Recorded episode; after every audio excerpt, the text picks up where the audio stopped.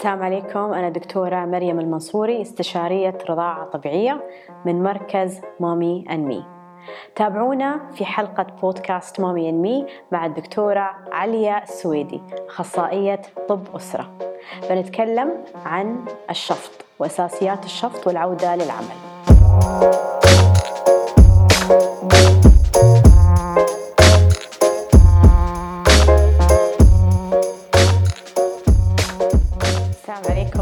دكتورة مريم المنصوري استشارية رضاعة طبيعية من مركز مامي أن مي. معاي اليوم دكتورة علي السويدي أخصائية طب أسرة. مرحبا فيك. أهلا دكتورة. أهلين. شرفنا. طبعا هاي فرصة لنا نحن عشان ناخذ من خبرتك في مجال الرضاعة. إن شاء الله. آه وايد أمهات يستفسرون عن آه كيف ممكن يجهزون نفسهم للعودة للعمل. تدرين الحين وايد أمهات ولله الحمد قاموا يرضعون طبيعي وحابين انهم يستمرون بالرضاعة الطبيعية. صحيح. فشو رأيك في هالموضوع؟ طبعا أنا بعض الأشياء اللي أواجهها في العيادة هاي الحالات من ال آه، من ال يعني اللي تو يكونوا مربين وتبغى ترجع للعمل بس إن عندها تحس تحديات يعني تحس انه لا ما بيخلوني ما في مكان مخصص للرضاعة يعني تشوف الموضوع وايد كبير فهي تيأس فتيأس من الرضاعة تقول خلاص بس هالشهرين وأنا بعدين ببدأ أدخل اللي هو الحليب الصناعي فهي يمكن ما عندها الخطة الصحيحة أن هي كيف ترتب موضوع الانتقال يعني من من إجازة الأمومة إلى العودة إلى العمل فهني نحن لازم نقدم لها اللي هو التوجيه صح؟ صح. وطبعا أكيد أنت أدرى بهالموضوع إيه. إن التحضير لازم يكون يمكن حتى قبل الحمل. قبل الحمل والوحده يعني بلاننج يعني هي تخطط إنها تحمل إن هي تكون عندها يعني رؤية انه شو بتقدم لهذا الطفل.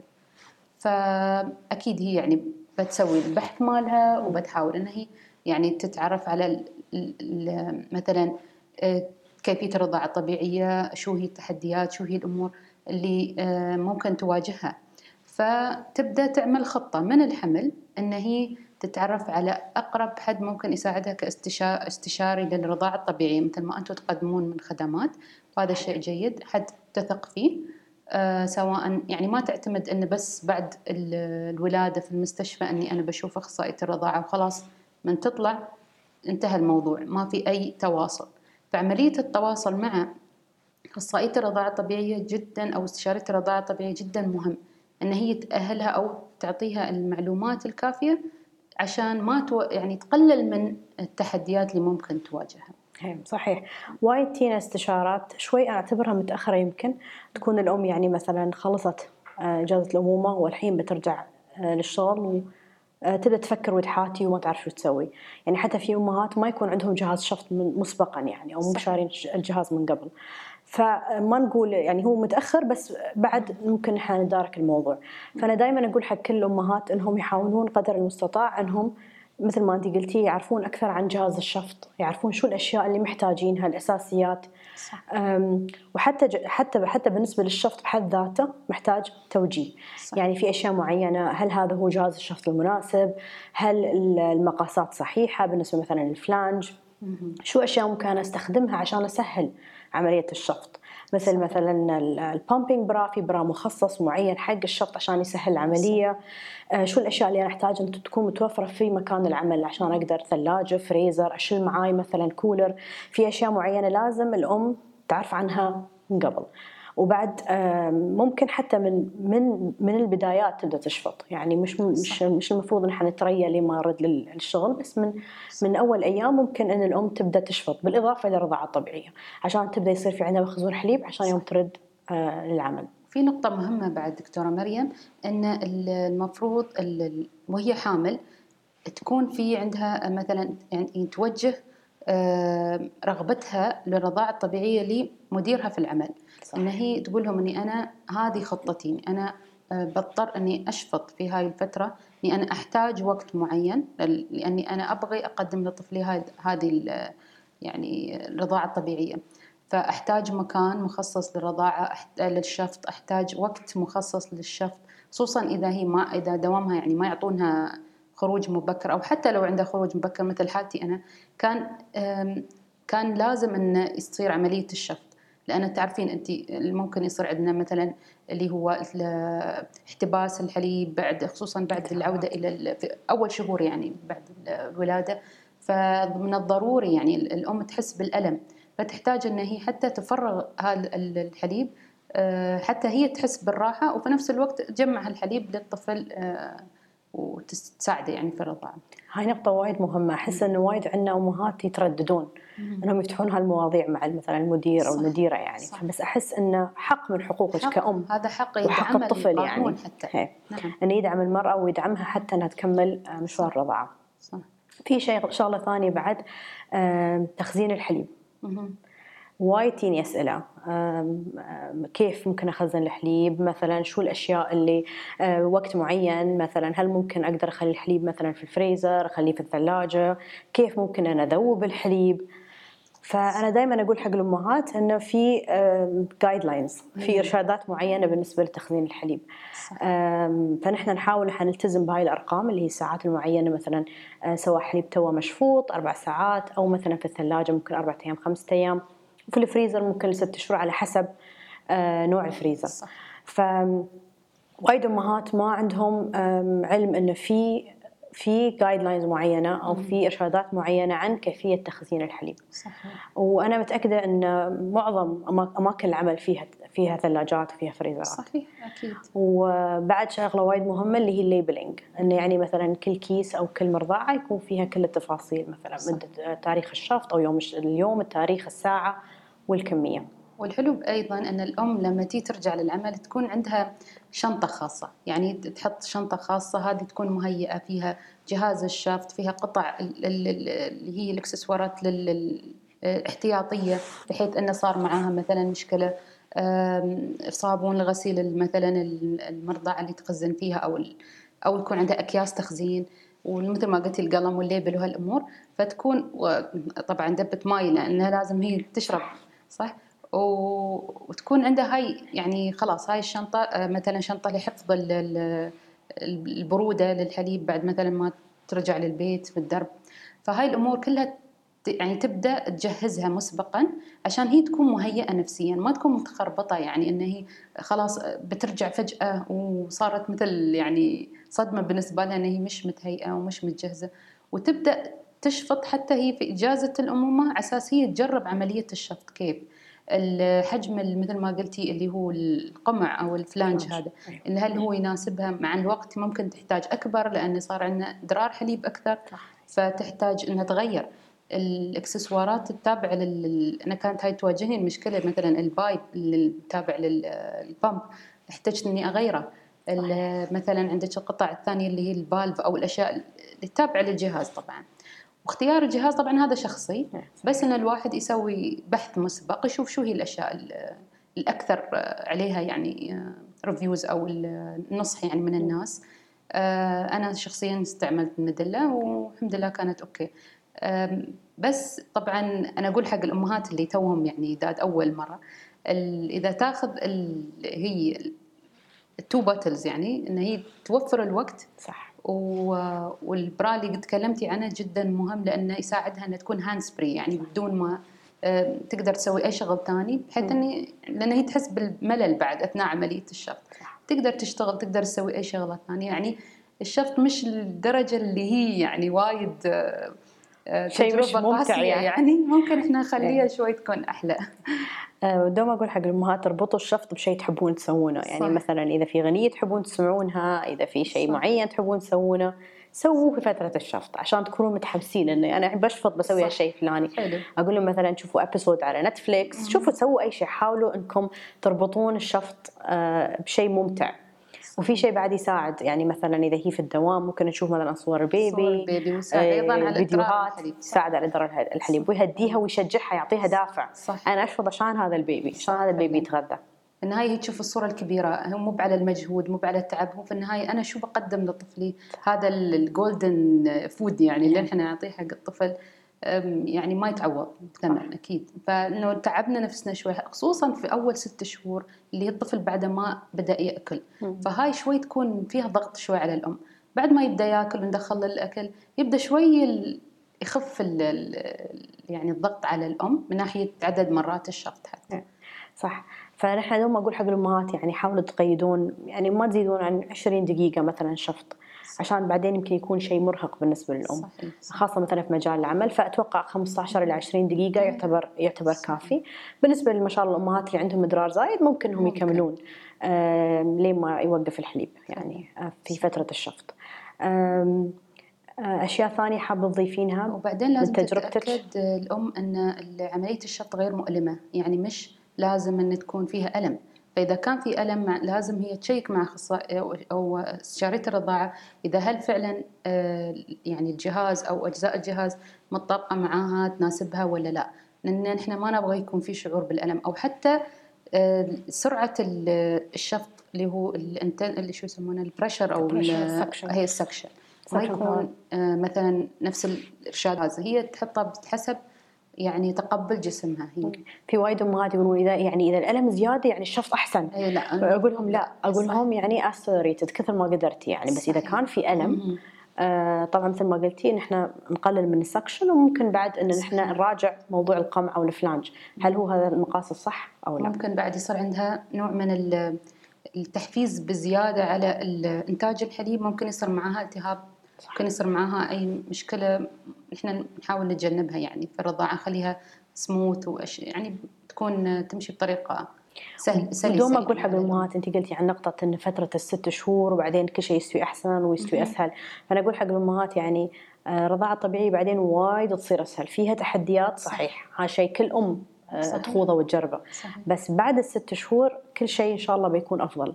آه رقاد البيبي تحسن.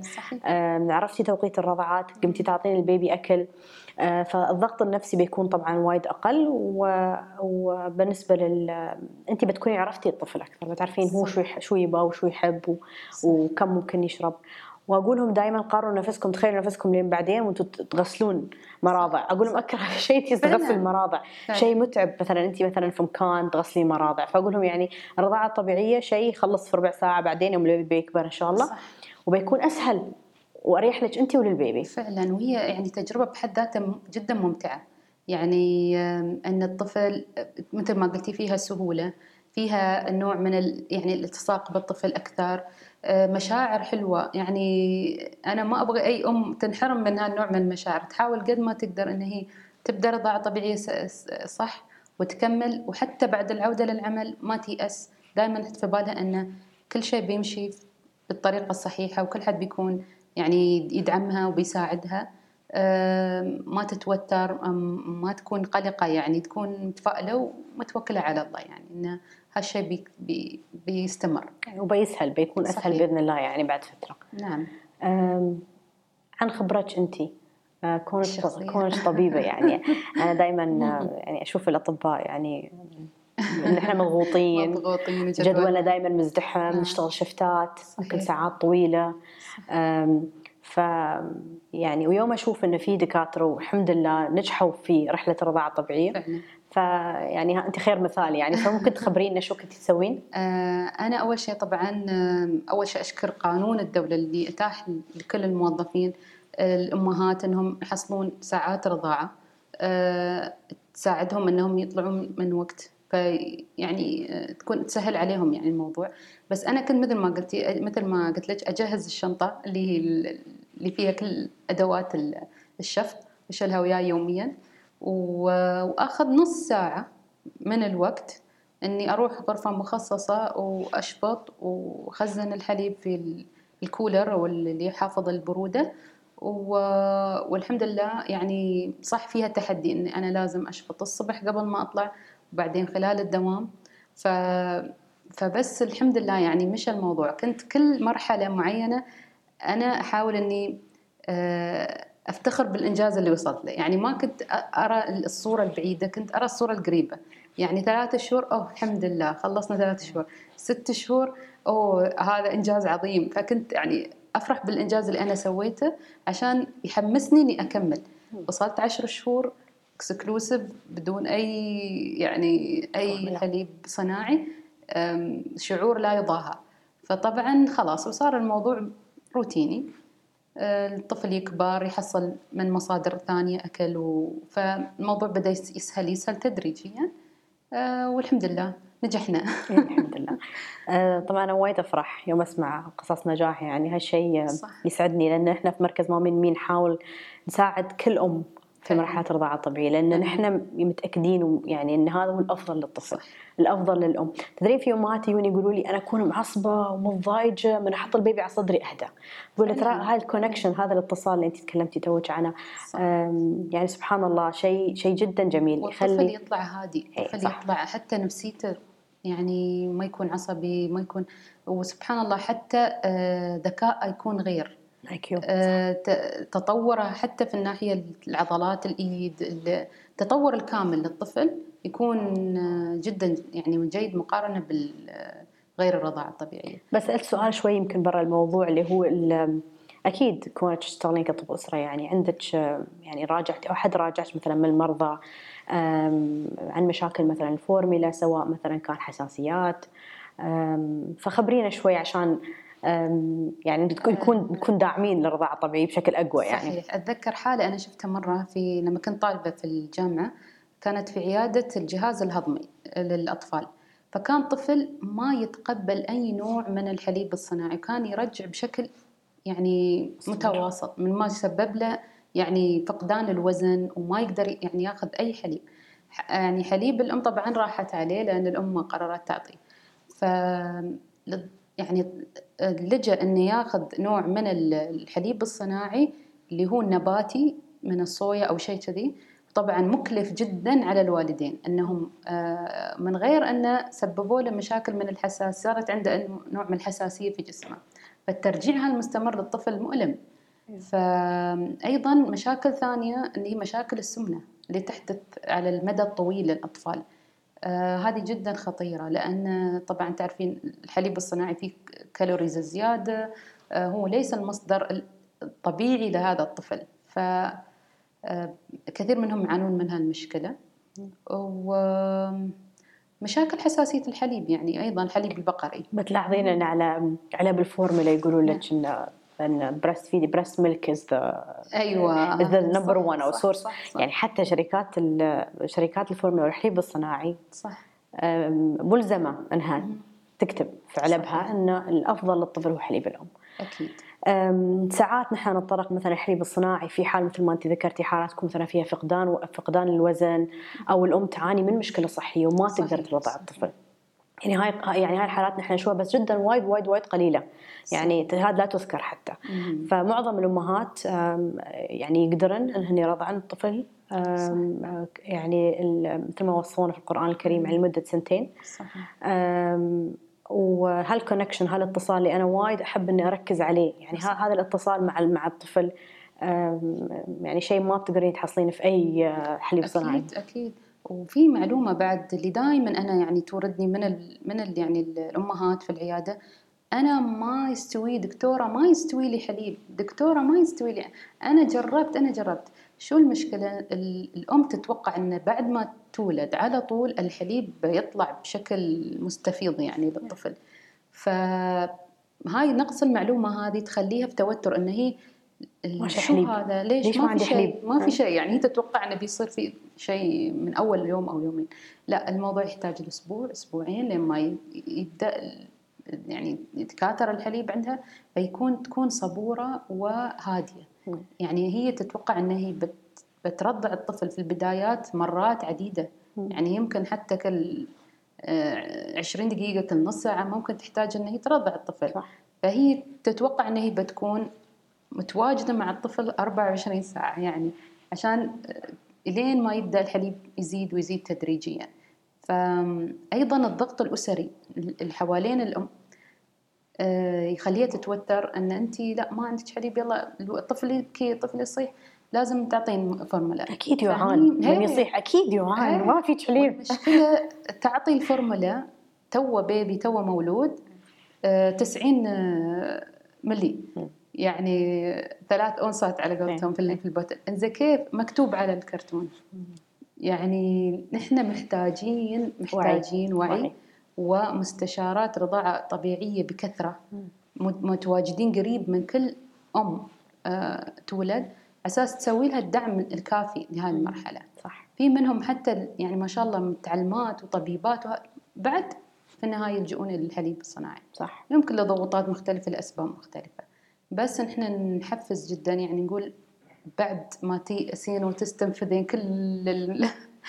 كل يعني السبل قدامك يعني الرضاعة الطبيعية ممكن تلجئين للحليب الصناعي. وطبعا استشيري يعني اخصائيه الرضاعه عشان إيه. تعرفين.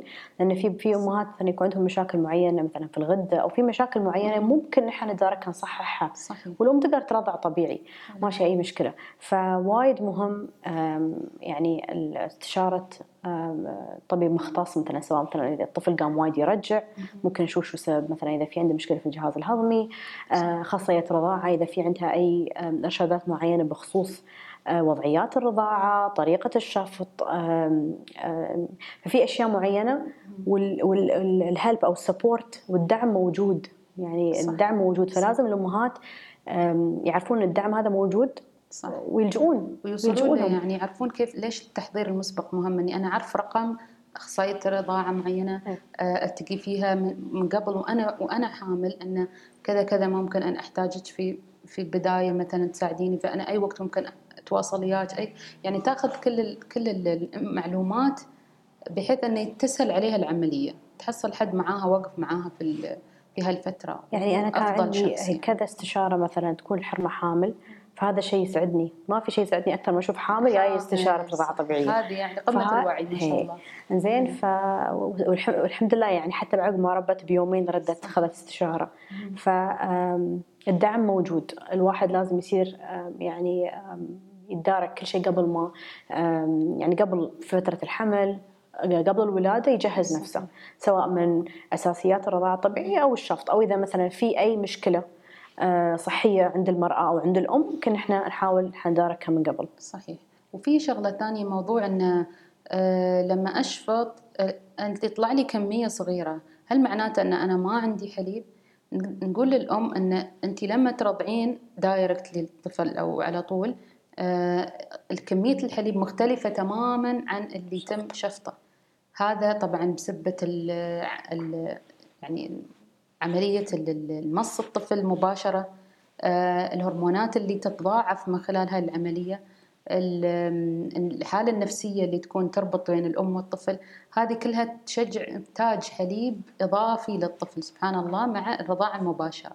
في الشفط ممكن تلاحظين خصوصا في البدايات إن كمية بسيطة لا تيأسين لا تتوقعين خلاص أنا ما عندي حليب وبس وما بشفط ويأست لا. مع الوقت كملي كملي. خليك صبورة قد ما تقدرين الصبر والمثابرة هو وايد نقطة مهمة في عملية الرضاعة الطبيعية. يعني أنت ذكرتي نقطة مهمة. أكيد إذا من الحرمة تشفط أو الأم تشفط تقول أنا هاي دائما أسمعها على فكرة في كل الاستشارات صح. أنا يوم أشفط بس هالكثر يطلع. هي زي ال baby كيف؟ قلت له ال baby يكبر جالس يزيد. فنحن فأكيد مثل ما أنت قلتي ال- الكمية اللي تطلع من من بالشفاطه أو كمية الحليب المشفوط ما تعادل كمية الحليب اللي عندك أنت. صحيح. هاي هاي هاي شيء معروف. وفيش بعد نقطه وايد مهمة. في مثلا تشوفين فيديوهات على اليوتيوب تشوفين أمهات ترسين الفريزر والثلاجة. والحليب وتجيني تقولي أنا مو بشي قلت لها فأنا أقولها إن سبحان الله.